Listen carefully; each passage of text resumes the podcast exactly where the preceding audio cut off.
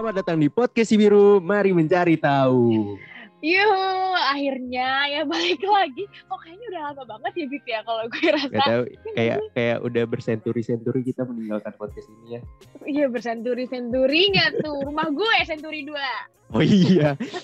Oh iya, kalau gitu biar biar adil kayak udah kemang-kemang gitu ya. Iya, udah kemang-kemang gitu. Tapi harusnya dari kemang gue. Pas banget dah. kayak kayaknya kayaknya kita nggak lama-lama ya kerjanya tapi kok rasanya kayak pas udah briefing selalu datang di podcast si biru wah gila udah lama banget ya rasanya gitu Iya. Padahal kayak proyekan podcast gue kan banyak ya, tapi kayak anjay emang eh itu kan THR lo tadi kemarin gitu iya, tapi gak tahu kenapa udah lama banget kayaknya nggak ngomong. Maksudnya ngomong mah tiap hari ya, cuman maksudnya kayak yang depan mic kayak iya sih ngomong ngomongin apa kayak ada topiknya gitu-gitu kayak udah lama banget gitu. Hmm. Terus kan kalau iya iya itu kan harus pakai suara yang dibuat-buat gitu ya. Udah, Oh, kayak- udah lama banget gitu gak sih? eh gue gue belum pakai suara dibuat-buat gue iya udah lama makanya nih coba kita coba jadi suara profesional ya Coba dong. selamat datang di podcast si biru Asik, suara announcer Fan Radio tuh barusan.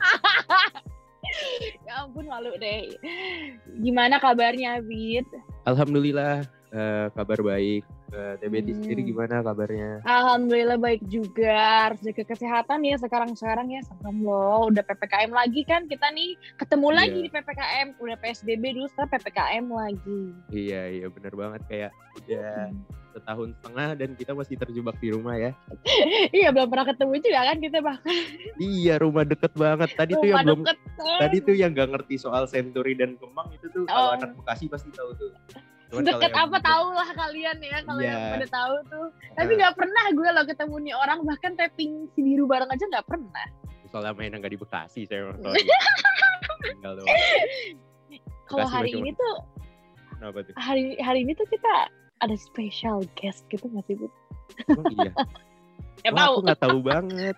Aku nggak nggak tahu tahu. banget nggak tahu banget ya Iya. apa berdua aja udah berdua aja lah Ayolah berdoa aja kayaknya.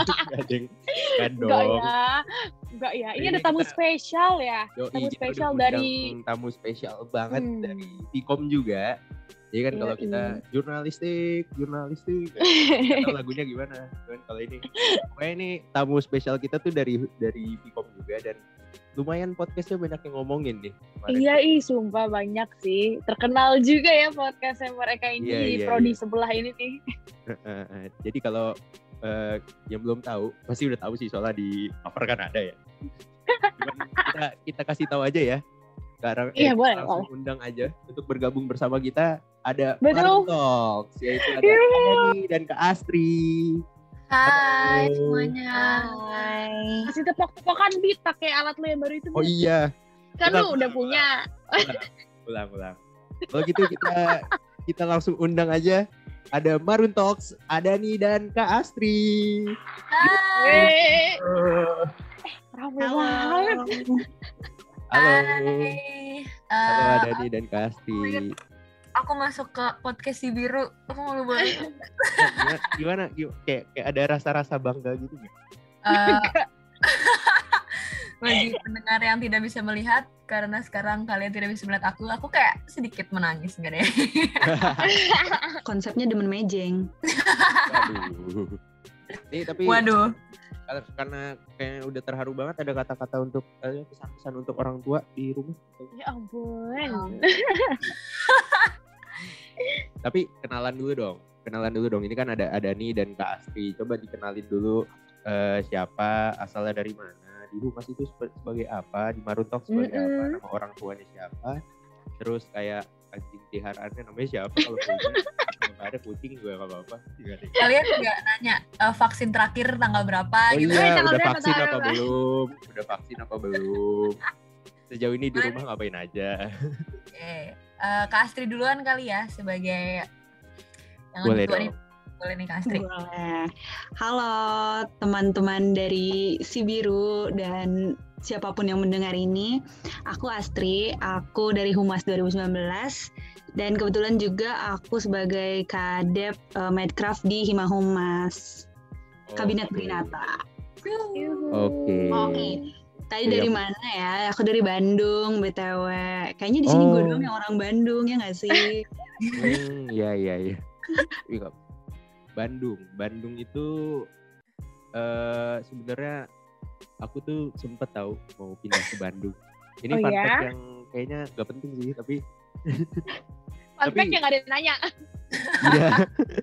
tapi sebenarnya aku tuh ini tahu eh punya dulu tuh kecil punya cita-cita pindah ke Bandung.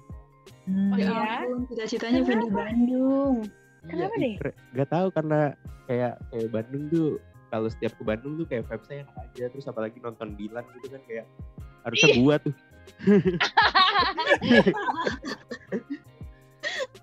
Tinggal di Bekasi, kota kita tercinta.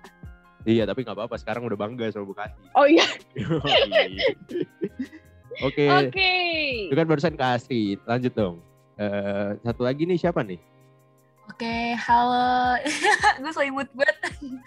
halo, eh, podcast si biru. Nama aku Adani, aku Humas 20. Aku menjadi apa staff Medcraft juga. Eh, aku jadi staff Medcraft, sorry.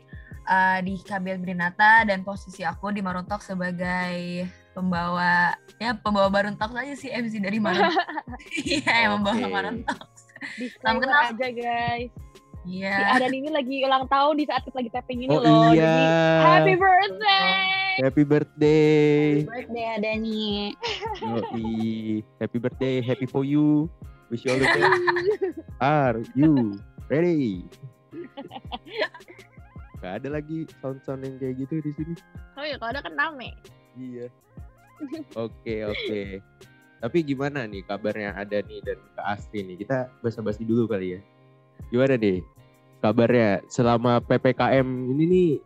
eh apa aja sih yang dilakukan oleh Adani dan Kak Astri? Coba dong kasih apa ya kayak mungkin rekomen kegiatan untuk pendengar gitu yang bisa membunuh waktu. Dimulai dari aku dulu kali ya. Oke Aku, boleh boleh. Eh, selama ppkm kemarin tuh aku di rumah kakek aku karena eh, orang tua aku tuh isoman kan jadi aku harus ngungsi keluar dan Oh my god. ya jadi tapi sekarang mereka udah sembuh alhamdulillah Terus, Alhamdulillah. em, kegiatan aku selama ppkm adalah bermain The Sims Oh iya, Wah. aku juga. Asik Iya, banget. Ah, bermain The Sims Sims film. tuh bener-bener membunuh waktu bang Iya, itu saya benar-benar definisi membunuh waktu sih kalau The Sims kayak main jam 7 tiba-tiba udah jam 12. Gak, gak kerasa capek, cuma pegel doang badan. Bener-bener, Main The ya. Sims di mana? Di PS, di komputer, di komputer jadi di rumah Mm-mm. kakek aku tuh ada kayak PC gitu kan terus di downloadin sama tante aku jadi kayak aku main The Sims terus di situ rekomendasi banget deh main The Sims Hmm, cuman sebenarnya The Sims tuh game apa sih sebenarnya? Gue dari dulu tuh gak pernah ngerti loh konsepnya The Sims tuh sebenarnya kita harus ngapain di The Sims?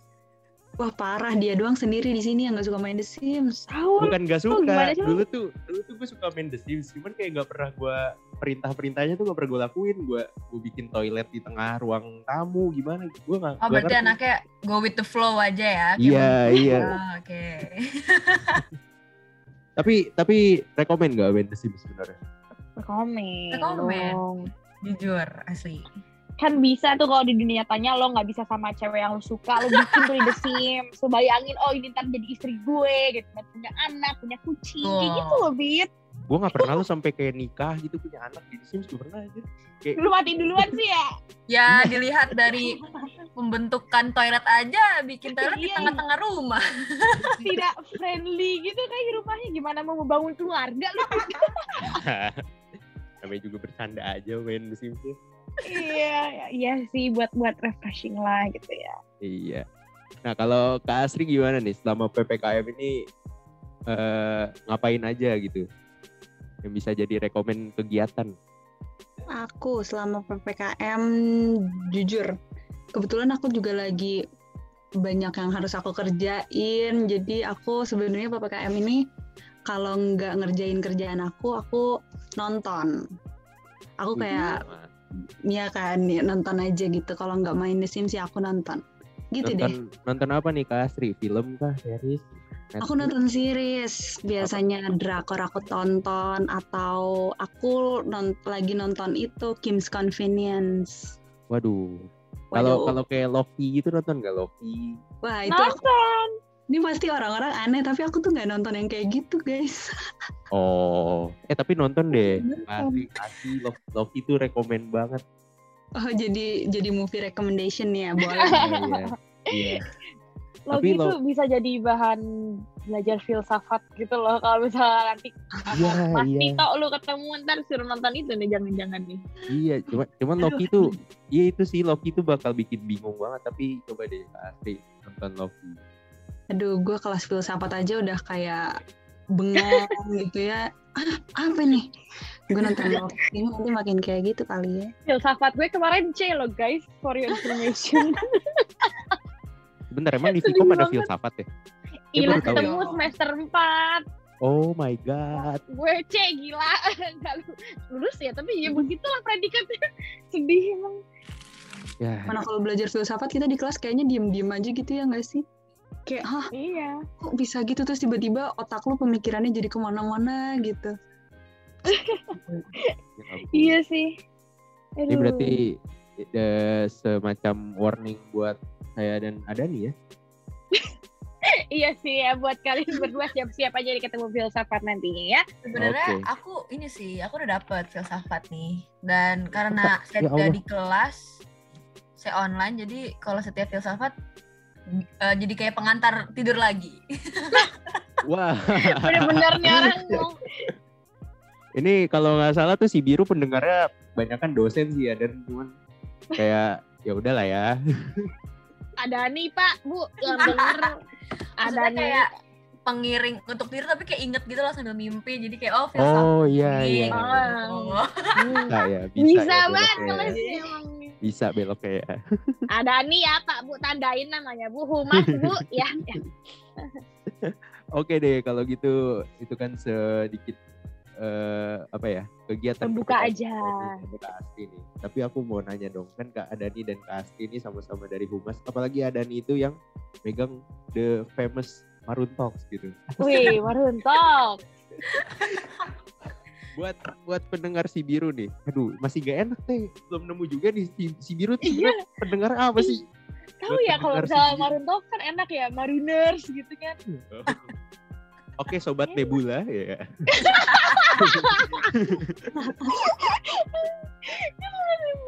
udah pendengar aja lah ya, udah pendengar aja dulu. ya pendengar ya gitu Untuk untuk pendengar semua kan eh, mungkin ada yang belum tahu Marun Talks. Boleh dong dijelasin dulu. Marun Talks itu sebenarnya apa dan mungkin untuk biar menarik orang-orang untuk mendengar Marun Talks. Marun Talks itu kebanyakan ngomongin apa sih? Oke, aku mulai ya. Just formal. Sih. Jadi Marun Talks tuh sebenarnya dilandasi dari sebuah proker Madcraft media kreatif yang berisikan tuh kayak platform media seperti podcast juga yang dirilis di Spotify-nya media Hima Humas nih. Jadi tadi Abid nanya apa aja sih yang dibahas di Marun Talks. Biasanya kok di Marun Talks tuh aku lebih ngebahas kayak eh, keluh kesah anak-anak humas, terus kayak oh kalau misalnya anak humas tuh eh, misalnya aku ba- ngebahas suatu topik jadi aku kayak lihat dari pandangan anak-anak humas kayak gini kayak gitu terus lebih kayak oh humas tuh kayak gimana sih jadi kayak introduction juga nih kalau misalnya humas tuh kayak gimana sih gitu Hmm. Oh, Oke. jadi lebih ini ya ngebahas tentang humasnya gitu dari dari kehidupan mahasiswanya dari kayak mungkin hal-hal kesehariannya juga ya tapi berhubungan dengan humas gitu bukan betul betul kayak gitu hmm. Oke oke, ngomong-ngomong soal humas nih, kalian kan anak humas. Nah, menurut menurut kalian nih menjadi anak humas tuh apa ya? Menjadi anak humas dan mendalami tentang humas tuh menyenangkan atau enggak sih? Karena sejujurnya aku aku yang aku yang bukan anak humas tuh melihatnya, ih jurusan ini tuh asik banget gitu loh. Meskipun ya kalian di angkatan tuh banyak kan ceweknya ya. Iya. betul Terus kan Jadi- tadi katanya ada keluh kesahnya gitu kan. Keluh kesah anak humas. Nah itu emang sebenarnya apa yang dikeluh kesahkan oleh anak-anak humas mempelajari humas gitu. Soalnya anak humas tuh kelihatannya nggak tahu ya. Aku kan beberapa eh, kegiatan yang aku ikuti tuh eh, kayak kemarin jadi panitia epicentrum. Buset itu humas semua. Satu kepanitiaan gue tuh satu divisi tuh humas semua. Itu Ya tuh boleh kali ya diceritain apa happy sih gitu. Anak-anak humas tuh happy gitu. apa ada udang di balik batu? happy sih happy ya cuman ya gimana ya namanya mahasiswa tuh mau jurusannya apa aja tuh pasti ada aja yang dikeluh kesahin ya nggak sih? Jurusan apa pun jadi entah itu dari tugasnya lah terus dari apa namanya kesibukan kitanya lah tuh apa namanya banyak deh macem-macem. Jadi kita juga bahasnya macem-macem aja terus belum lagi kesibukan-kesibukan kita yang lain jadi bikin kita makin kayak makin capek aja gitu. Paling Hmm. gitu sih. Tapi, tapi kalau ke Asri sendiri tuh ini nggak? Kayak enjoy gitu nggak seneng nggak gitu kalau di humas gitu? Jujur aku enjoy karena aku eh, ini TMI ya alias too much information. Dulu gue bukan anak eh, sosial kan. Oke. Dulu gue anak teknik dan gue pindah ke sosial pengennya ke humas gitu. Jadi gue enjoy karena emang ini satu hal yang eh, gue pengen gitu. Oh berarti dulu Oh. ke Asri di SMA nih IPA nih kalau iya betul. Nggak asik nggak asik nggak asik. Gak asik ya, gak asik, gak asik. Ih, bukan sosmed. Ih, asik. Ya. PS bro. Ya sama gue. Dari dulu tuh kenapa gitu ya? Anak IPS dan anak IPA tuh berseteru gitu. Kalian di SMA kalian gitu gak sih? Iya, iya. Iya sih, cuma biasanya anak IPS nyari gara-gara gitu apa? Anak IPS kayak diem-diem aja. iya sih. Cuman kalau Ya, nggak dulu ya, dinamika mungkin- anak SMA Jadi kalau aku cerita dikit sih ya, sebenarnya dulu tuh kalau di SMA aku eh, anak IPA sama IPS tuh ada bully-buliannya gitu. Enggak anak IPA lu belajar tentang apa? Belajar tentang oksigen gini gini paling jadi jadi tukang tambel ban. Gitu-gitu. Ini anak Nah, sekarang, tapi sekarang oksigen diperlukan loh, Bit. iya, iya. Iya sih bener sih. nah, tapi kan kalau tadi kata Kak Asri, Kak Asri tuh menikmati gitu belajar di humas ya walaupun emang tetap ada capeknya gitu ya. Dan ini kan mungkin ada maba nih yang mendengarkan. Eh, boleh dong dikasih tahu eh, apa sih yang dipelajari oleh humas yang sampai ke Asri tuh seneng gitu? Atau mungkin ada nih kalau mau nambahin juga boleh. Humas Hmm, boleh deh sekarang ada nih coba yang jawab Oke, jadi pertanyaannya di humas belajar apa aja ya berarti? Yuk. Hmm, Kayaknya jawaban ada nih favoritnya adalah di saat kelas nggak jadi gitu. Enggak. waduh. ya itu kayaknya favorit semua orang, apalagi online. Jadi kalau di humas tuh belajar yang aku kemarin yang ada di depan otak aku aja sekarang. Kalian masih pernah dengar press release gitu-gitu kan? Kita belajar tuh tentang Hmm. press release, terus kita belajar tentang kayak penulisan-penulisan humas, terus sebenarnya tuh humas tuh eh, kayak gimana sih kayak basic-basic kayak ya humas tuh sepertinya kayak apa, terus bakal dijelasin juga kalau misalnya humas tuh eh, sekiranya apa nih kok ranah dalam PR tuh kalau misalnya jadi pekerjaan tuh seperti apa itu bakal sebenarnya masuk juga dalam perkuliahan. Jadi pas kalian kayak misalnya ada introduction public relations misalnya kayak gitu. Jadi kalian tuh masih kayak yang kalau misalnya mau humas nih mungkin yang mendengarkan. Jadi kalian yang kayak tahu oh sebenarnya tuh humas tuh kayak kalau misalnya lo masuk humas tuh belum tentu lo jadi oh bisa jadi kayak public relations banget lo bisa kayak ada ranah lain kayak gitu loh. Jadi kayak luas deh ininya ranahnya seperti itu. Hmm. Oke. Iya sih bener kayak apa ya? Gue kan anak jurnal tapi gue cukup familiar dengan dunia humas. Vkom terutama Vkom Unpad ya gitu kayak gue tuh kayak nggak kenal sama sekali cutting jurnal gitu loh, Bit. Gak ada yang deket bahkan ngobrol. Gue lebih banyak kenal anak-anak humasnya gitu loh, cutting-cutting yang yang akhirnya pada akhirnya gue tanyain soal eh, mata kuliah dan lain-lain gitu. Gue nggak deket sama anak jurnal gitu. Dan sedihnya, sedihnya emang sebenarnya kayak apakah gue sempat mikir apakah gue sebenarnya cocoknya di humas ya nggak di jurnal ya sempat mikir gitu sih terus beberapa kali juga gue coba ngebantu tugasnya pacar gue kan. Disclaimer Hmm. aja cowok gue anak Iya. humas juga anak humas 19 jadi kayak cukup banyak disuruh kayak eh tolong bantuin inilah gitu. Jadi kayak oh gini ya humas dan gue tuh kerjanya enjoy gitu. Nah kalau mungkin pertanyaannya untuk kak eh, kak Astri kok jadi.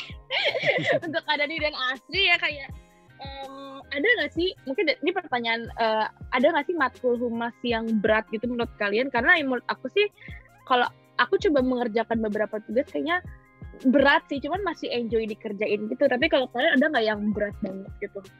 Iya kayak aku waktu itu sempat ngobrol-ngobrol juga kayak disuruh apa sih dibikin acara perusahaan gitu Mm-mm. ya. Kalian tuh ada tugas-tugas yang kayak PRRF ya kalau nggak salah. Eh apa sih? Eh bukan ya P- PR event matkul PR Itu- event ya? Lomba kemarin. Ini apa namanya? Kalau di humas nih matkul yang agak legendaris adalah publisitas. Publisitas. boleh dong Tahu gue, tahu tahu gue. boleh dong di sedikit kan? di Cowok gue nggak publisitas tuh apa? Demi apa? Oh my god. Itu mm, ini eh, publisitas nih emang agak-agak apa namanya? eh apa tuh bahasanya tadi gue bilang? Agak agak berat gitu karena dia tugasnya setiap minggu. Maksudnya setiap minggunya tuh eh kayak gini. Kita bikin proposal gitu misalnya proposal apa proposal campaign atau bikin eh, proposal convention, proposal buat press conference atau macam-macam berbagai macam proposal kita bikin di publisitas itu gitu.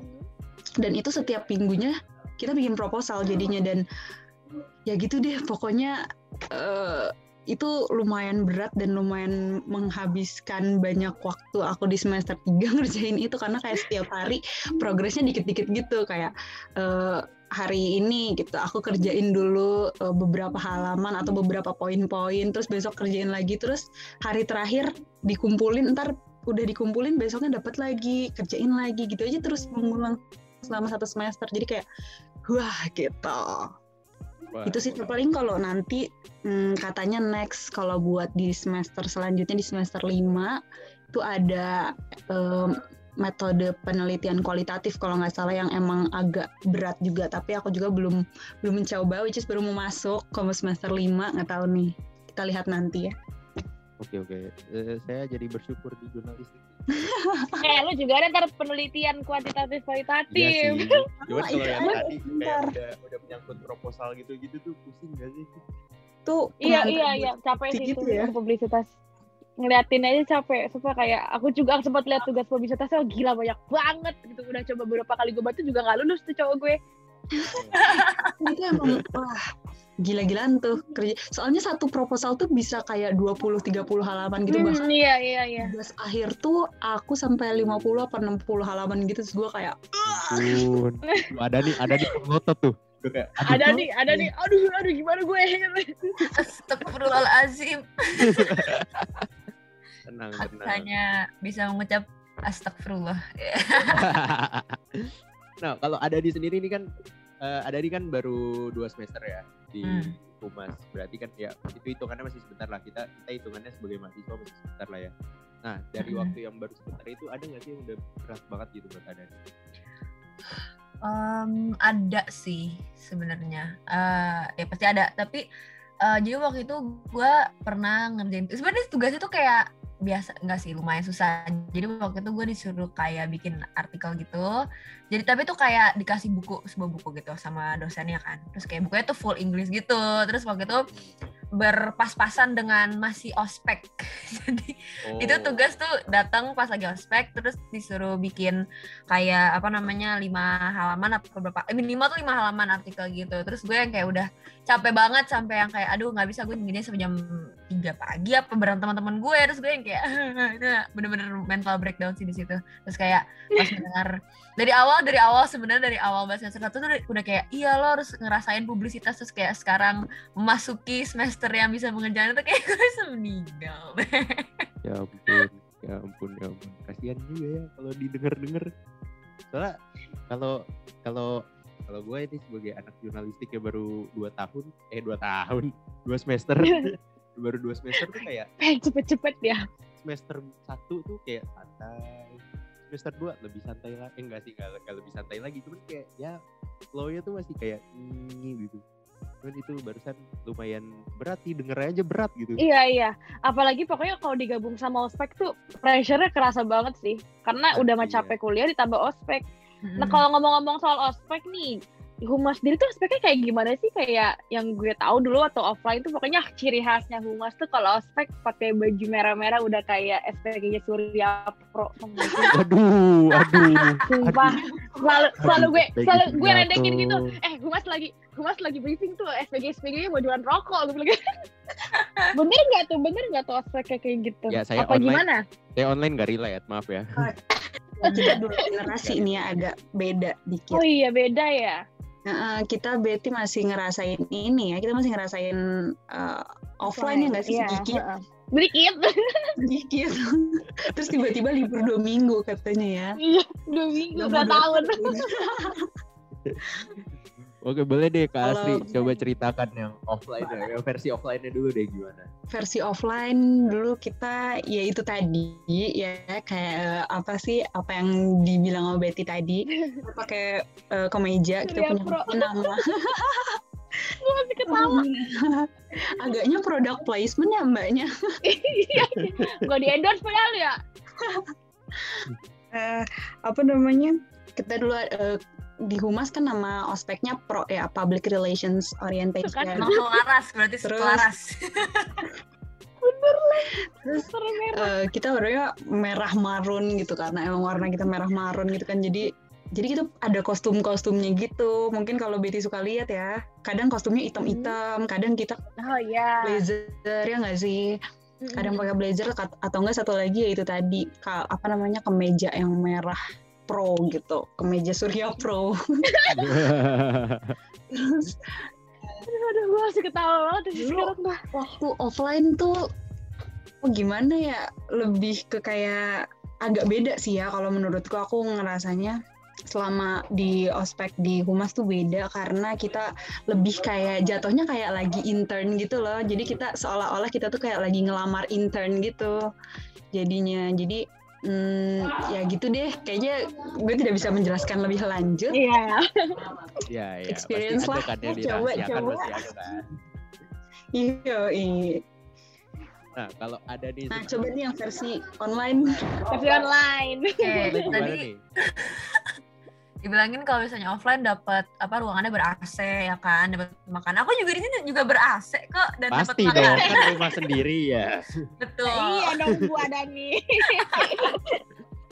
Tapi, Tapi kalau Gimana? Ada, online ada yang surprise, apa? ada yang ini nggak, ada yang kayak mengejutkan gitu nggak? Atau misalkan eh, tiba-tiba kok walaupun online bikin kangen sekarang-sekarang ini karena jujur ospeknya jurnal tuh walaupun yang kemarin online juga, tapi aku sekarang kangen sama sama ospeknya jurnal. Karena kalau humas sendiri tuh gimana? Gue sih enggak.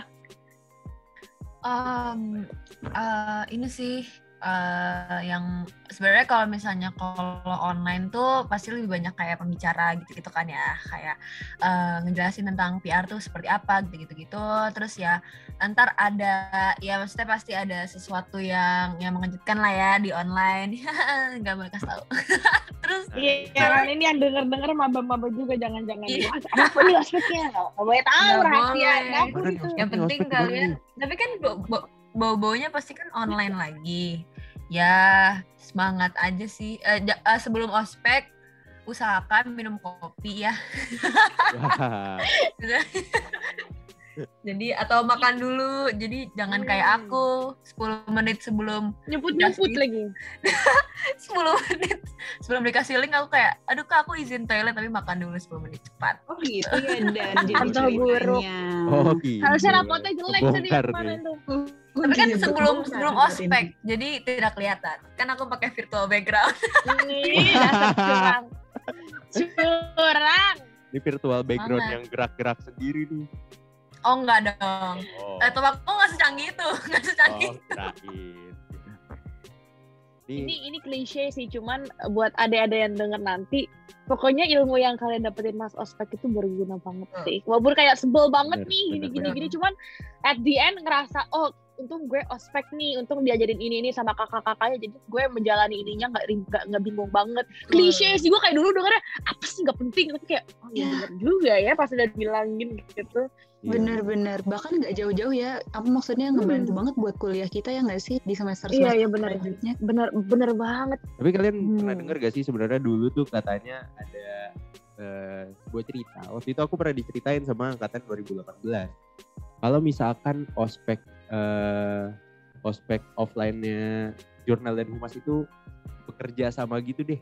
Pernah kalian? Tahu dong. Atau mungkin TBT Hmm. sama Kak Asri malah masih merasakan yang itu.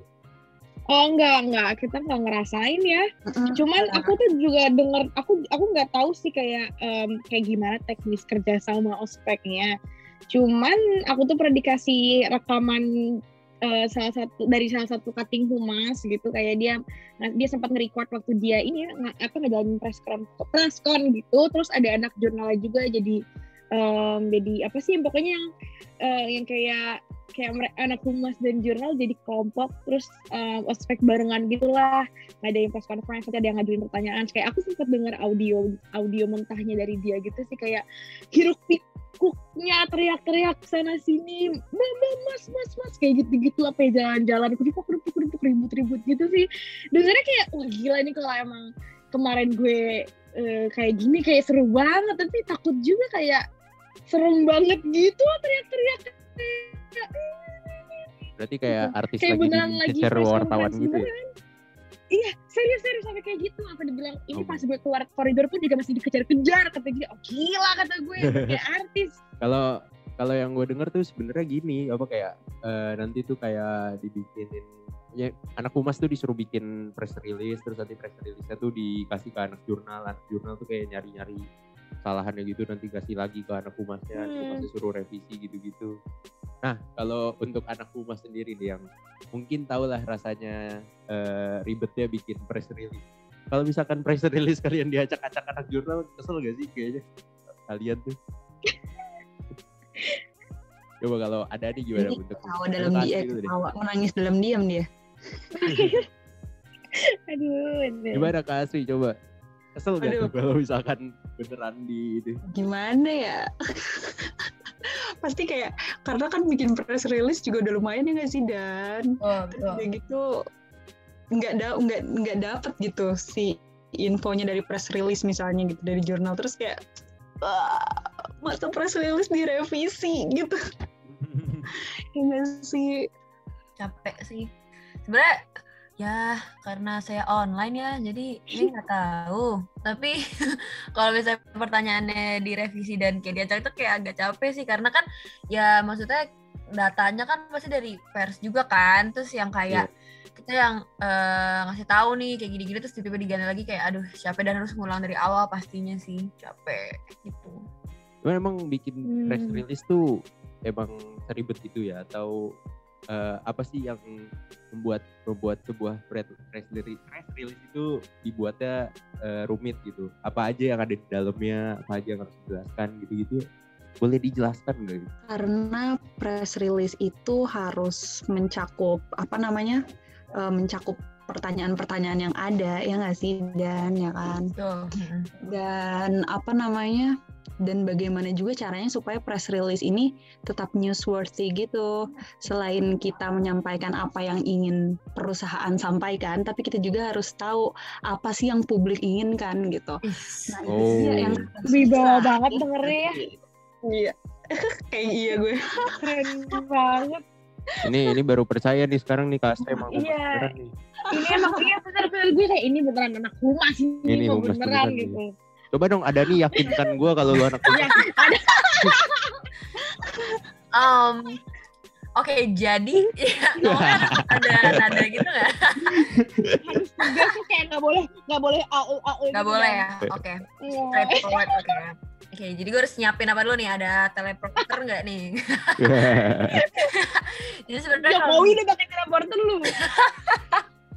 Mungkin ada siapin mic kali ya. Oh, gue kok jadi jurnalis ya? Terbalik. Oh, bukan, bukan Mas.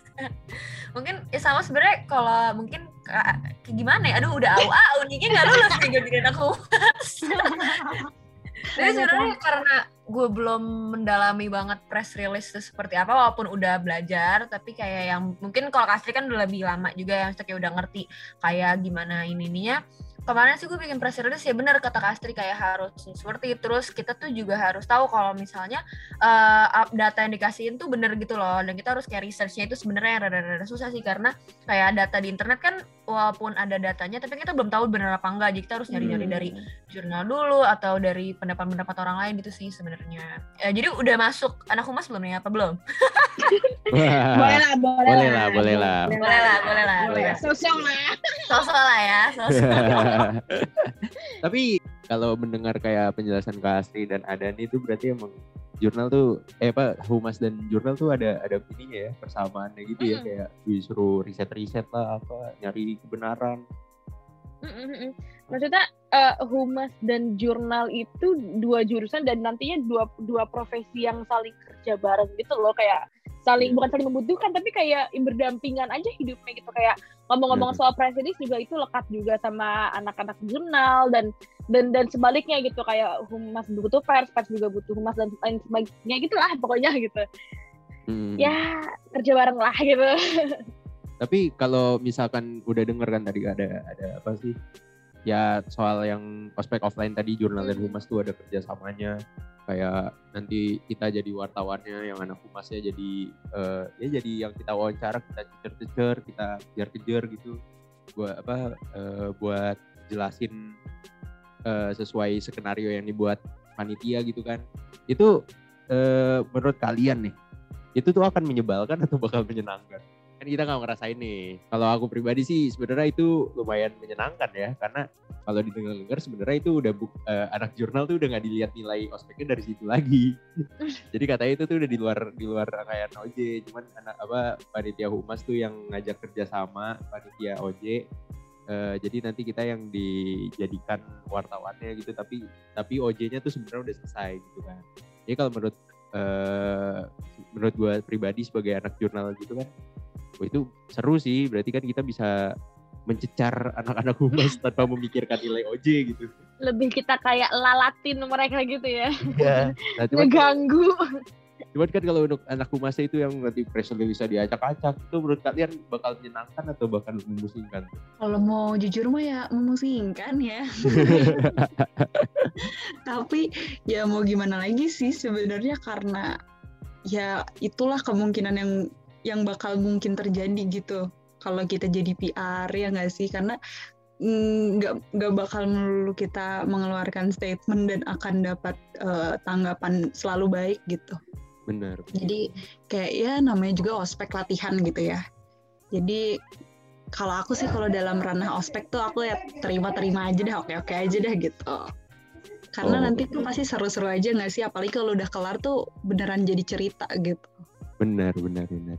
Kalau ada nih sebagai yang online gimana? Karena saya tidak physically dikejar, mungkin kalau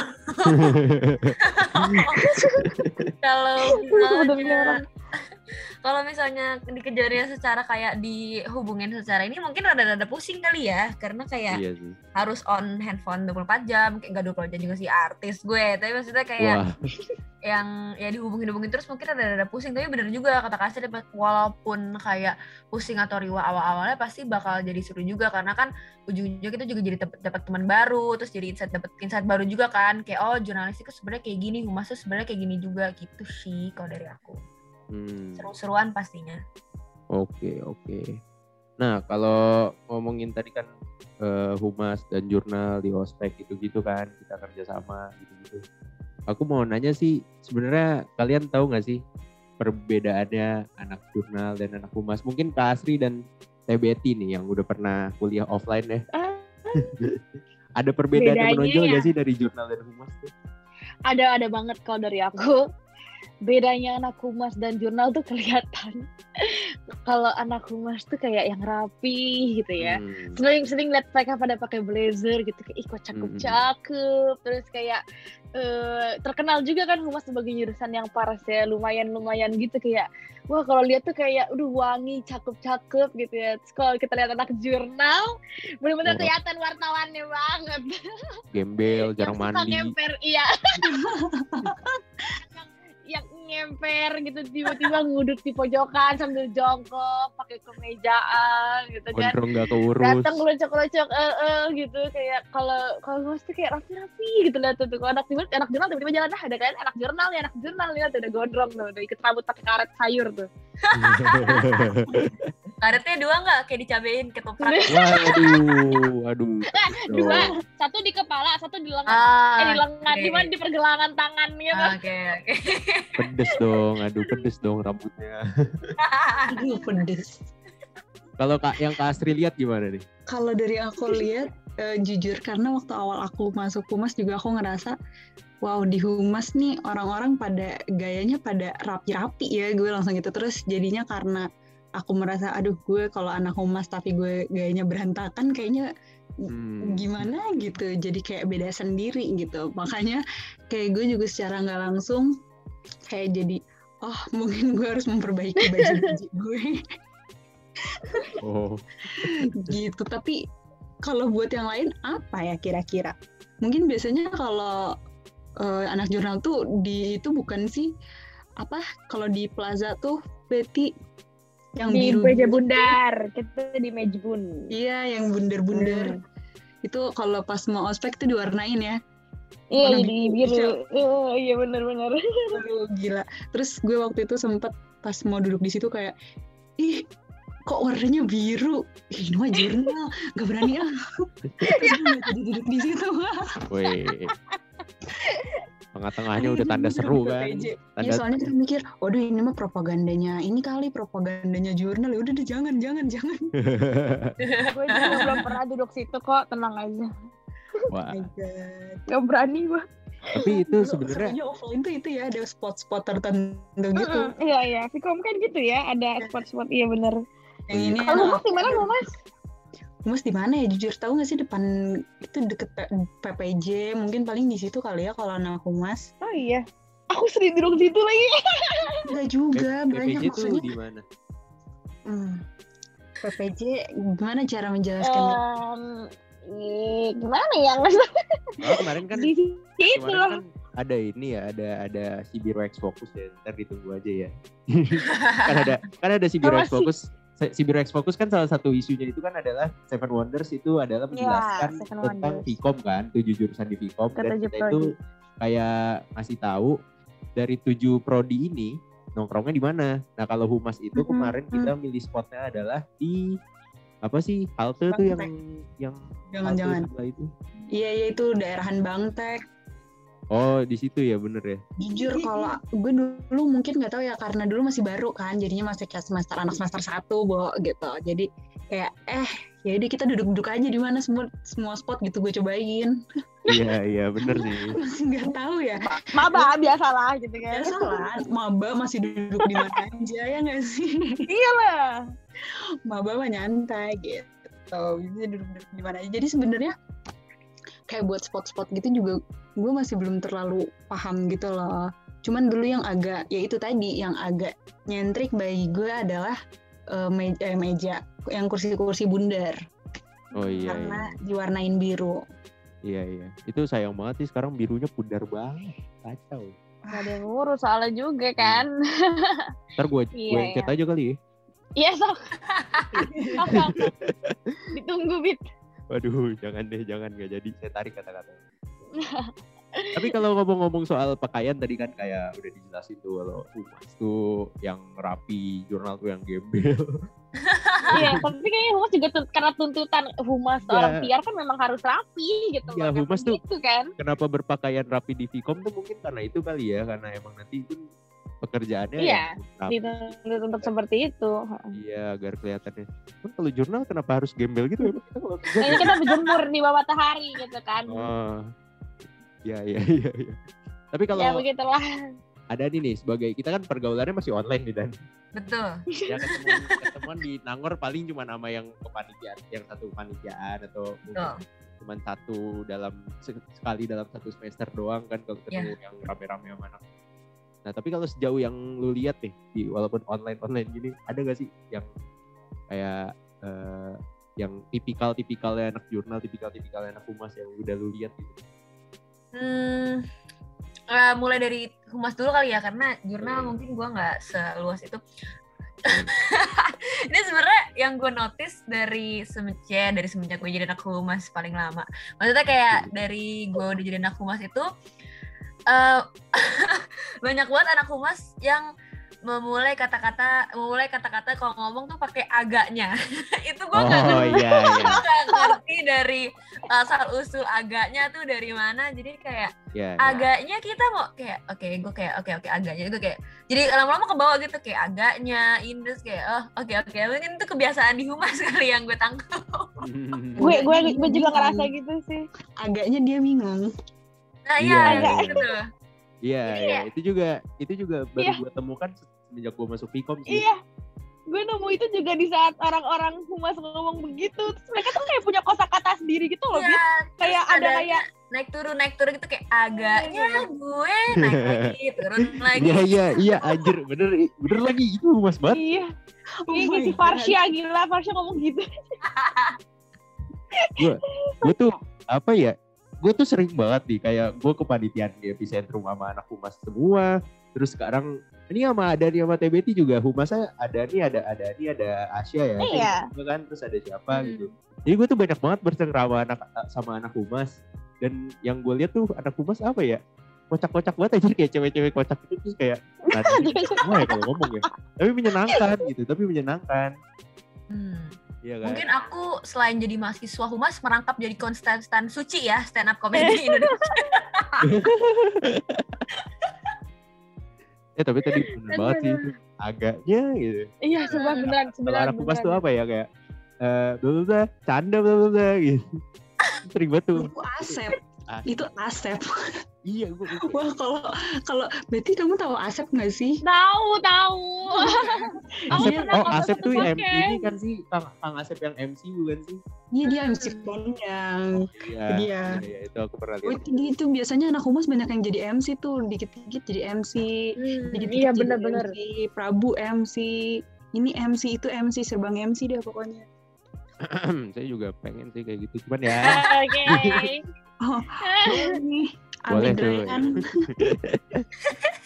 Aduh, aduh, aduh. Cuman ya itu sih tadi kalau yang aku lihat tuh eh humas tuh emang bener sih kata Adani tadi. Cuman kalau jurnal, gue pengen ini sih pengen um, eh, apa ya? eh kayak ngasih pandangan gue lah tentang anak jurnal 20 juga walaupun masih online. Kenapa ya? Gue juga nggak ngerti. Se- Semenjak gue dapet kayak informasi-informasi kalau anak jurnal tuh berantakan, terus gue lihat anak-anak 20 gue, bener lagi anjir. Apa ya? Keciri gitu loh, Bit. Keciri aja gitu. Oh, jurnal ini mah udah. Gondrong pasti gondrong gitu ya. Iya, iya. Kalau nggak gondrong pun ada keinginan untuk gondrong. Hmm. Nggak, nggak ngerti itu. Tapi lu botak-botak aja, Bit. Karena rontok ya, karena rontok. Kalau nggak rontok gak saya botakin. Ada health problemnya ternyata. Bener ini mah. ampun, ampun. Nah ini dari tadi kita jurnal humas, jurnal humas mulu mungkin eh, kita ini kali ya biar lebih luas lagi kita ngomongin soal Vkom kali ya. Ini kan humas jurnal ini kan ya kita dekat karena kita sama-sama Vkom lah ya. Sumpah ya, gue gue sebenarnya eh, belum tahu ini, nggak tahu ini sebelumnya. Tapi kan ya Vkom tuh main terkenal gak sih? Oh iya dong, sebagai Fakultas Ilmu Komunikasi, kalau nggak salah satu-satunya di negeri ya. Eh, iya, iya. Kalau kalau negeri negeri satu-satunya. Hmm. Iya dan gue gue baru tahu loh, eh pas gue masuk Vkom, oh se- terkenal itu ya kayak bahkan di Unpad aja tuh kayak eh, fakultas-fakultas lain tuh kayak punya pandangan sendiri gitu ke Vkom. Iya ya setuju setuju. Keciri juga dan kayak uh, mungkin kelihatan dari lifestyle dari uh, kegiatan mahasiswanya dari uh, dari Iya, gimana gimana pergaulan, social life. Nah iya, cuman kalau Sosialnya itu anak Vkom. Kelihatan Event- banget nih ini. langsung kayak ini anak anak Vkom nih. nah Hmm. iya itu dia. Tapi sebenarnya kalau pandangan Kak Asri sendiri sama Adani nih, anak Vkom tuh di pandangan kalian tuh gimana sih? Se- kayak dari social life ya atau sebagai tempat kalian menuntut ilmunya juga gimana sih? Keseluruhannya Vkom deh gitu. Boleh nggak aku mengutarakan sesuatu yang suka dianggap orang kayak gampang tapi ternyata enggak gitu. Ah, Boleh, dong, boleh dong. dong. Ini nggak sih eh, aku tuh sering banget dapat kayak gini. Ih, di Vkom mah nyantai ya ke eh, kuliahnya. Terus Oh. gue cuman pengen diem dan coba lu rasain jadi anak Vkom boleh kalau mau banyak juga tugas kita ya nggak sih sama-sama Kerjain aja. tuh publisitas gue. gitu. Makan tuh ayo publisitas tuh. Makan Ayo, tuh proposal. ayo Bikin coba tuh publisitas satu semester. Gue ah, terus dulu gue waktu apa namanya sering dapat dapat dapat kayak gitu terus di eh, gue matkulnya lagi banyak banyaknya tugas gitu. Jadi gue kayak ya Allah di saat gue mengerjakan tugas ini udah pengen nangis. Terus orang ngomong kayak gitu gue kayak Iya sih, kesel banget pasti ya kayak sebenarnya kan semua jurusan semua fakultas punya Mhm. susahnya masing-masing gitu loh. Mhm. Jangan di jangan mentang-mentang oh ini sosum ah gampang paling Vkom hahaha doang. Enggak guys, enggak gitu ya. Semuanya punya titik KPI juga di Mm. kuliah itu. Atau enggak Pasti gini pertanyaannya kayak "E, kamu kenapa belajar buat berkomunikasi? Terus Hey, Aduh, yang macam apa nih? Kamu tiap hari tidak berkomunikasi. Ah, coba yaudah coba deh. dulu deh, coba deh ngomong kayak gitu, suruh baca dulu pengantar komunikasi tuh, biar ngerti. Iya kita betul, betul. Kita belajar apaan tuh? Apa itu Suruh Laswell? ikut Eh, kali ya, Betty. Kelas filsafat. Aduh, Aduh, aduh, udah capek nih gitu ya. Belajar belajar logika di di komen itu. mungkin kelihatan dari ini kali ya kalau anak Viko menurutku ya. Walaupun kerjaan kita banyak, tapi biasanya anak Viko masih eh, apa namanya? work eh, and life balance gitu, Cia. Oh iya, iya. Asik. kerjaan Gimana banyak, sekolah? party juga banyak ya. Nongki jalan, nongkrong-nongkrong mah jalan. Tugas jalan sih. Panitiaan juga jalan ya. Iya betul. Benar, benar, benar. Tidak ada itu. Jalan. Nggak ada Kuliah- blunder-blunder. Kuliah jalan sih, tapi ada sihnya. Ya paling Tapi kalau menurut Kak Astri nih sebagai yang ya offline walaupun cuma sebentar ya, Icip, lebih baik icip. lebih baik daripada kita yang enggak Iya ada, betul. betul. yang belum. Iya. Eh, kalau segi kalau segi pergaulannya kayak apa eh, atau lifestyle atau social life-nya seru nggak sih Vcom tuh seperti yang orang-orang lihat kan wih Vcom seru ya gitu tapi realitanya seru nggak sih emang seru. Hmm. Seru aja di Vcom karena eh, nggak tahu ya mungkin kita lebih apa lebih terbuka aja gitu kalau ngobrol sama orang jadi nggak nggak yang kayak sendiri-sendiri banget gitu loh kayak berani-berani aja Hmm. ngobrol sama orang gitu bahkan sama eh, di orang-orang di kantin juga kita deket gitu ya gak sih bisa sampai Iya, kayak iya. gitu. jadi kayak seru-seru aja terus kalau lagi waktu itu lagi apa ya waktu lagi ada lomba-lomba gitu deh kalau nggak salah di Vcom Hmm. eh, terus eh, ibu kantin tuh turun dan menyemangati gitu terus Waduh. kayak ya ampun waduh banget asik banget tuh kayak ibu kantinnya Iya. Ya, jadi seru-seru aja asik-asik. gitu oke oke ini kalau untuk ada nih nih online nya Vcom asik nggak Em, aduh, kayaknya eh, perbandingan antara jawaban Kak Astri dan jawaban saya tuh jauh banget ya. Nggak apa-apa, nggak apa-apa. ya Utarakan aja. Jadi eh, dan yang gue rasain, cie, gue rasain.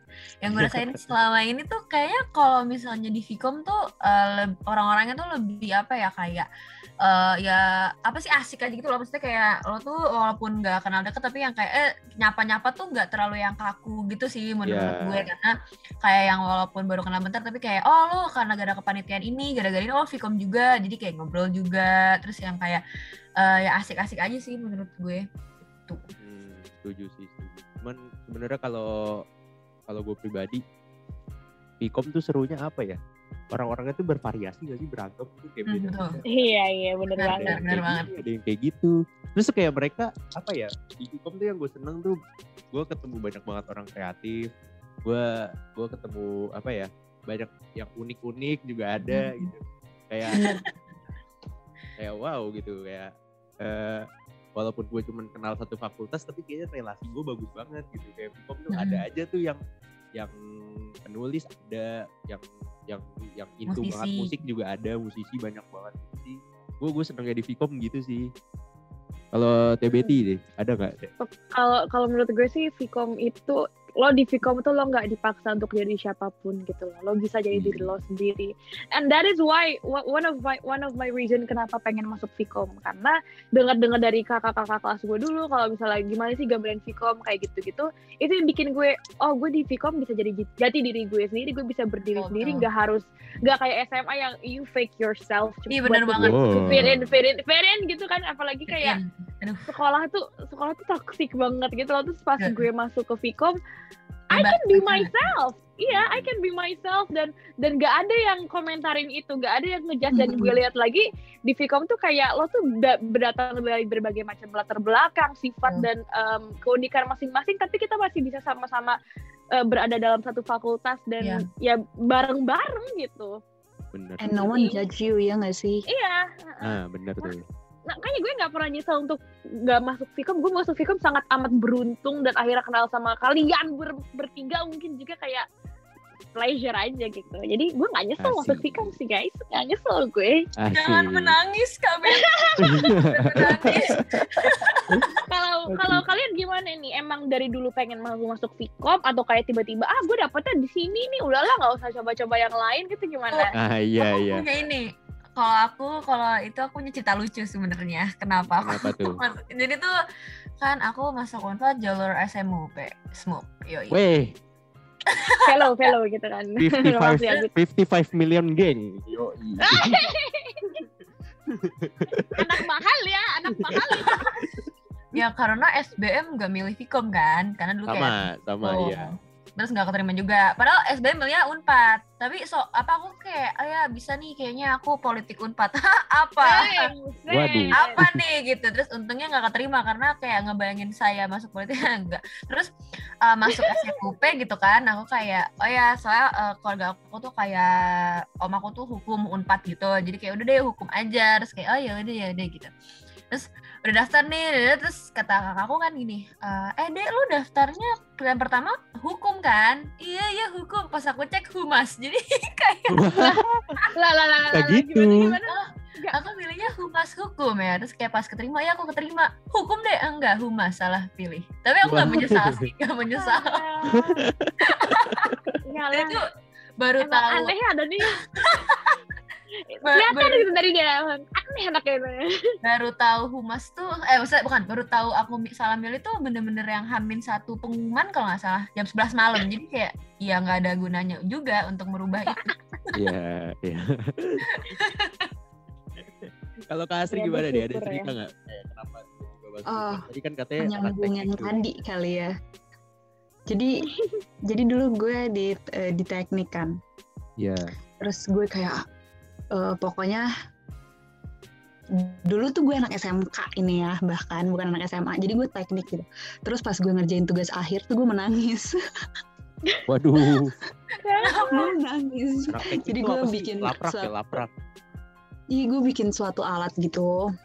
Gue bikin namanya power supply tapi waktu itu trafo gue meledak. Gitu. Ya, Waduh, serem banget, serem, serem. ini, ini cerita lucu di balik di balik ini semua ya terus trafo gue meledak terus gue menangis di depan eh, guru pembimbing gue bapak aku nggak mau lagi. Gue menangis pokoknya aku bilang pokoknya aku nggak mau. Jadi di detik itu gue mikir kayak pokoknya gue nggak mau ngelanjutin teknik lagi gitu. Oh, tapi saat itu udah daftar kayak SBM gitu-gitu terus Hmm. gue nggak keterima pokoknya di yang IPA itu. Karena emang gue agak-agak nggak niat gitu kan karena milihnya IPA terus gue kayak bodo amat gue mau daftar lagi aja tahun depan gitu. Tapi eh, pengen daftar ke eh, soshum gitu. Hmm. terus gue cari-cari lah cari-cari apa ya apa ya. Terus gue menemukan kurikulum eh, humas. Jadi waktu itu gue eh, agak-agak nggak tahu juga sama humas gitu. Temen gue ada yang di humas cuman dia kayak udah lu masuk humas aja. Tapi gue nggak tahu humas itu apa nah terus gue nemu eh, kurikulum humas di website gitu. Terus pas gue lihat oh. ih seru dah gitu. Nah dari situ yaudah deh baru deh gue milih humas pas eh, gue SBM kedua.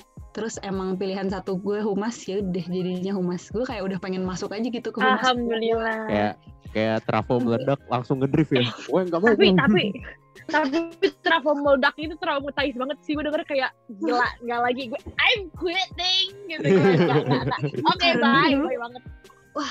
Gila gue gila. Kah gila gue gue dulu di teknik tuh beneran banyak banget gitu kan. Maksudnya bikin gue bikin alat itu bahkan gue tuh sampai karena gue bikin alat dan itu bahkan sampai lempengan besinya tuh gue yang bengkokin gitu-gitu. Waduh, debus. gue kayak gue gitu. gue kayak merasa ya ampun kenapa gue ngelas? gitu kan. Sambil gue ngelas sambil mikir kenapa gue ngelas? Terus setelah gue motong plat besinya kan gue rap gue kikir gitu kan. Gue sampai Iya. mikir ngapain gue nyikir ini ya Tuhan? Gue dengerin aja gue ketawa banget. Dan kayak nggak tahu deh menurut gue kayak aneh gitu. Kayak apalagi kalau udah menghitung menghitung fisika yang aneh.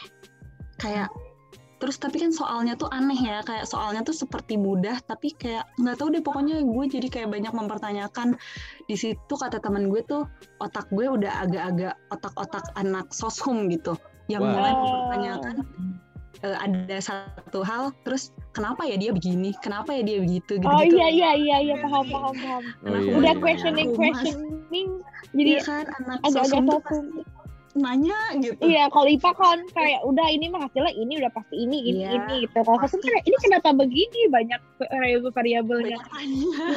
Makanya IPS. makanya Ya kan? Ada nih IPA IPS ada nih. Aku IPS dong. Oh iya dong Yoi, IPS. oh keren. my god Mungkin eh, kenapa ada pengaruhnya kali ya dari meledaknya itu kayak langsung otak langsung kayak aduh nggak bisa nih gitu kayak sel-sel dalam otak mungkin kayak langsung berubah. Meraung meraung. Ya.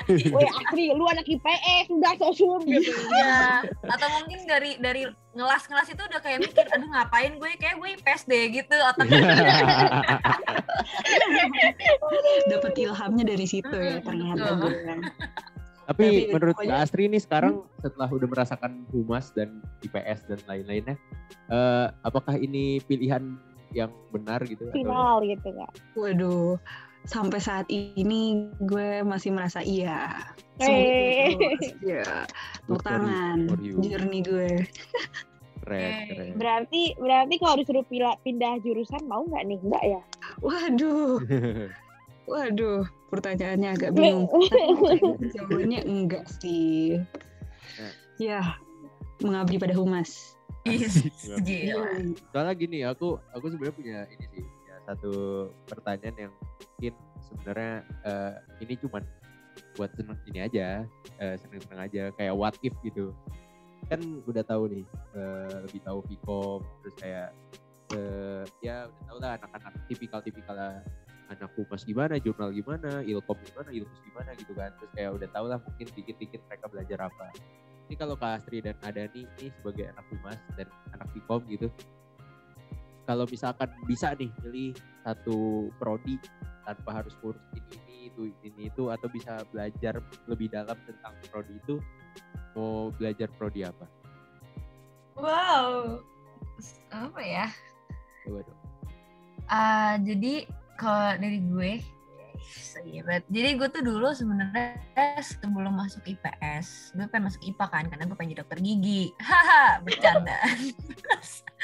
Semenjak gue kan tadi tadi pertanyaannya kalau nggak ada apa-apa gitu kan, kayak masuk aja gitu out of nowhere. Gue sebenarnya pengen masuk, ya gue sebenarnya pengen masuk dokter gigi. Karena maksudnya kayak gue tuh dari dulu suka bukan suka gigi, maksudnya kayak kalau misalnya gue gue tuh kan biasanya kalau anak kecil ke dokter gigi tuh nangis kan. Kayak takut Hmm. gitu kan ngeliat dokter gigi. Nah gue tuh selalu kayak tertarik gitu loh. Kayak oh ya kita mau ke dokter gigi. Gue senang. Terus misalnya kayak kalau di sekolah kan kadang suka ada kayak pemeriksaan gigi gitu kan. Terus yang Iya. kayak eh, ngejelasin nih kalau misalnya gini-gini tuh gue kayak selalu interested gitu loh dalam dunia-dunia kedokteran gitu. Jadi gue yang kayak ih seru banget kayaknya terus kayak kalau misalnya bisa sih pindah tapi kayaknya emang nggak bisa dan nggak mau juga sih seperti Oke. Cuman kalau dikerucutin ke Vkom deh, pilih dari tujuh jurusan. Eh, enam berarti kan? Eh, Iya. Hmm, jurusan. Aduh. Enam ya? jurusan yang selain humas. Kayak misalnya jurnal itu mau mempelajari nulis berita, ilkom Ah. mau coba penelitian, research. Kalau gua- Ah, tertarik ke ini sih kayak kepo sama TVF gitu. Soalnya kayak kece aja gitu Oh. maksudnya kayak apa sih belajar televisi dan film maksudnya kan kayak jarang ya maksudnya kayak kalau misalnya perkuliahan tuh ngebahas Iya. tentang kayak film tuh kayak gimana atau televisi kayak gimana jadi kayak yang it's like a very interesting apa prodi aja kalau misalnya mau Oh, lanjutin seperti itu kok bener Dari sih. Iya sih, TVF sih. iya kayak bener. seru aja gitu maksudnya apa sih yang dipelajarin gitu kayak bikin film atau apa gitu kan kayak kece aja ngeliatnya Oke, oke. Berarti TVF ya kalau ada nih ya. Kalau Yes. Kak Asri gimana nih? Dari Vkom deh atau mungkin dari yang luar Vkom dulu habis itu yang Vkom. Hmm, kalau luar Vkom gue dulu tadi Kembali ke teknik. Wah, ribut gue ya kagak Eh, kalau di luar Vkom aku tadi itu pengen ke psikologi. Oh masih iya. sama berhubungan sama orang juga kan. Kayak Iya, iya, pokoknya gue yang pengen kayak berhubungan sama orang gitu. Terus kalau di Vkom di Vcom mikir gue mau ke mana ya? Em, mungkin kalau gue ini eh bentar gue mikir deh tapi gue kayaknya agak ingin ke Ilkom kalau enggak ke Mankom Kenapa tuh? kalau Ilkom tuh ya gue eh, apa ya menurut gue ya penelitian penelitian penelitian di komunikasi tuh bagi gue interesting gitu loh Hmm. menarik gak sih kayak Hmm.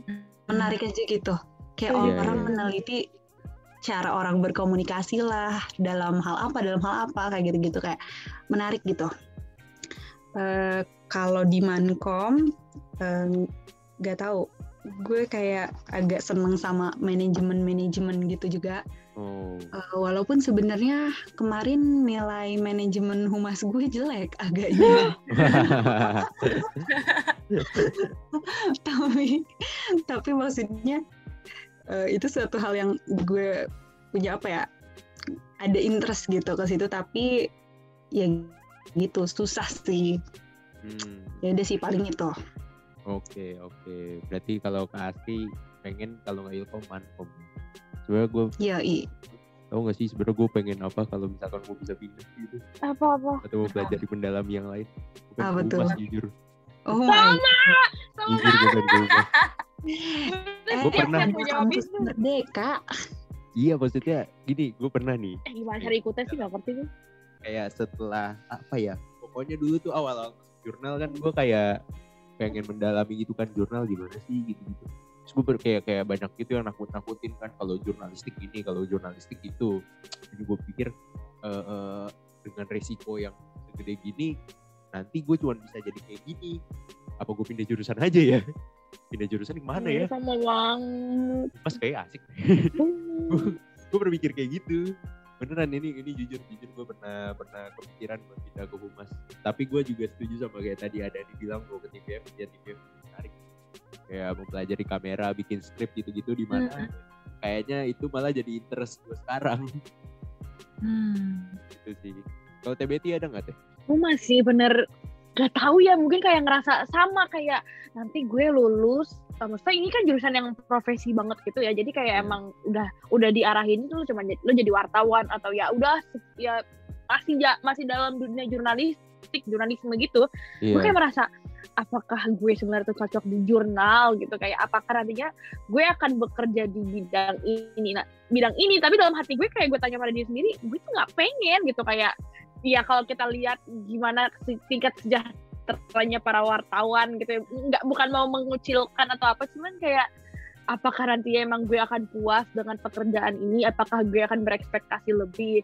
Dan kalau suruh pilih mau pindah di mana ya jelas gue jelas banget jawab mantep humas gitu ya. Di saat eh gue gue punya banyak teman-teman humas dan ya ya gue gue humas. berka gue ya dunia gue dipenuhi dengan anak-anak humas gitu. Dan gue ngerasa gue fit gue fit banget dalam apa ya humas gitu sih nggak tahu ya jangan-jangan aku Iya. kayak apaan sih lo gitu cuman kayak Iya. kayak gue merasa gue merasa cocok aja dan seneng buat berada di situ dan dan, dan mengerjakan apa yang harus dikerjakan di humas dan Hmm. dan lain sebagainya dari matkul-matkulnya gue cukup interest dan merasa menyanggupi dan kayak nantinya kalau gue bayangin oh kalau gue jadi seorang PR atau apa gue gue membayangkan diri gue gue gue bisa gitu gue, membay- gue me- membayangkan diri gue menjadi seorang PR gitu dan Oh. wow keren juga ya gitu tapi udah, udah, udah terlambat kayaknya untuk pindah ya jadi ya kita lihat saja nanti gitu kan tahu jadi. PR gitu Iya. Iya, anaknya melenceng-melenceng gitu kan Ya. yang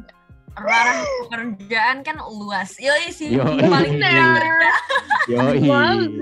Gitu ya. Udah lah ya. Ya. Depan tuh saja sekarang ngeband. Nah iya, nggak nggak ada yang Tahu tahu, kan. kan. gitu. Kita nggak tahu. Mungkin kan. ntar KBT bisa jadi PR dan eh Abid jadi kamera director kan gak ada yang Iya. tahu ya. We never, we never know, bro. We never know. We Yeah. Oke, oke. Siapa tahu ada nih malah jadi wartawan gitu kan? Oh, iya kan. Mungkin, mungkin. Bolak-bolak ya. Oke deh kalau gitu. Wah ini nggak kerasa tahu nggak sih kita udah sejam lebih tahu. Wow. Wow. Keren. Lama banget nggak lu. Selamat selamat ngedit ya, Dit. Semangat. Ya, ya, ya, ya. Gue sih nunggu aja, gue tinggal bikin caption. ya sudah lah ya kalau gitu ini kita udah bahas banyak banget sih dari humas sampai hubungan humas jurnal juga udah beda jarak Hmm. humas jurnal juga udah kan kayak terus kita juga udah ngomongin Vkom gitu kan banyak ternyata yang kita bahas hari ini dan ternyata lumayan banyak apa lumayan ini juga ya durasinya dari yang gue bayangkan ternyata kita Soalnya asik sih bahasannya, jadi kayak nggak Iya, kerasa iya. gitu sih. Gue gue seneng aja ngomongin humas kayak ama ama Asri dan Nada nih kayak ya jadi semangat aja gitu ngobrol gini. Oke deh kalau gitu eh, aku mau ngucapin eh, terima kasih sebanyak-banyaknya nih untuk ada. Astri. Ba- Makasih banyak udah datang ke apa Cibiru podcast ya podcast ya Cibiru. Iya datang ke lapak ini ya. Iya. Thank you for having us ya. Yoi. Thank you, thank you, thank you. Kalau gitu Apakah- mungkin boleh dong eh, untuk Adani dan Kak Astri mungkin memberikan apa sih namanya? Patah dua patah. Statement. Iya. Mungkin dari Oh Kak God. Astri dulu deh. Closing statement nih ceritanya. Iya. Ah. Kalau dari aku eh, kepada si biru, thank you so much udah ngundang kita, Eh, udah ngobrol bareng kita juga di di podcast kali ini. Semoga pembahasan hari ini seru dan semoga kalian bisa mendengarkan sampai akhir ini karena seru gitu. Dan sukses terus untuk si biru, Amin. untuk Marun Talks juga. Pokoknya kita sama juga untuk Marun Talk Sorry. pengen semuanya sukses soalnya. Amin, amin. gitu sih. Thank you. Oke, thank you Kak Astri. Kalau ada nih ada nggak nih? Ah, maybe cing nggak nggak nggak nggak nggak. Wow. Gaya banget dia orang. Wow, wow, Dia wow. translator nggak nggak nggak canda canda. Nggak eh, mau ngucapin terima kasih sedalam-dalam dan sebanyak-banyaknya Cie. Karena kayak seneng aja gitu diajak kolaborasi dengan si Biru untuk Asik. Talks dan jadi kayak aku dapat kayak insight baru juga nih dari si Biru kayak gimana terus kayak eh, dapet kayak Astaga, astaga dia. Ada ada, ada dia dikasih amplop ya. kayak ya dapat pengalaman baru terus bisa ngobrol sama si Biru tuh seru banget dan sukses terus buat si Biru dan Maroon Talks ke depannya thank you Thank you. Thank you. Ini sekali lagi terima kasih loh untuk Marun Talk sudah mau diundang nih ke Cibiru. Boleh dong sekarang kan udah closing statement. eh kita kasih nih kesempatan untuk Talks mempromosikan sosmed-sosmed yang dipunya Floor is yours. Hima Humas deh, Hima Humas gitu. Oke, Ah. jangan lupa nanti kita juga ada eh, podcast spesial. Jadi pantengin di akun media sosial kita dan di Spotify kita. Akun media sosial kita di Instagram @himahumas dan Spotify kita dan di Maroon Talks di Spotify. Jadi kalian semua mendengarkan Maroon Talks ya. Untuk mendengar suaraku lagi. Oke, tuh jangan lupa guys didengerin Marun Talks dan juga dicek ya Hima Humas di Instagram ya tadi. di Tapi sekali lagi dulu dong, aku mau sekali lagi terima kasih untuk Marun Talks dan eh, sekarang saya Betty di promo juga kita si biru nih jangan lupa teman-teman semua jangan lupa untuk di follow Instagram di @mediasibiru, website di sibirumedia.com, YouTube Sibiru TV, Twitter @sibirumedia, Zain nggak tahu, Spotify-nya podcast Sibiru dan TikTok Media Sibiru. Yoi, jangan lupa semuanya di follow dan Banyak di banget. ya sosial media kita yang lainnya. Eh, dan semoga di akhir term ini si biru dapat 1000 followers ya, amin. Amin, amin.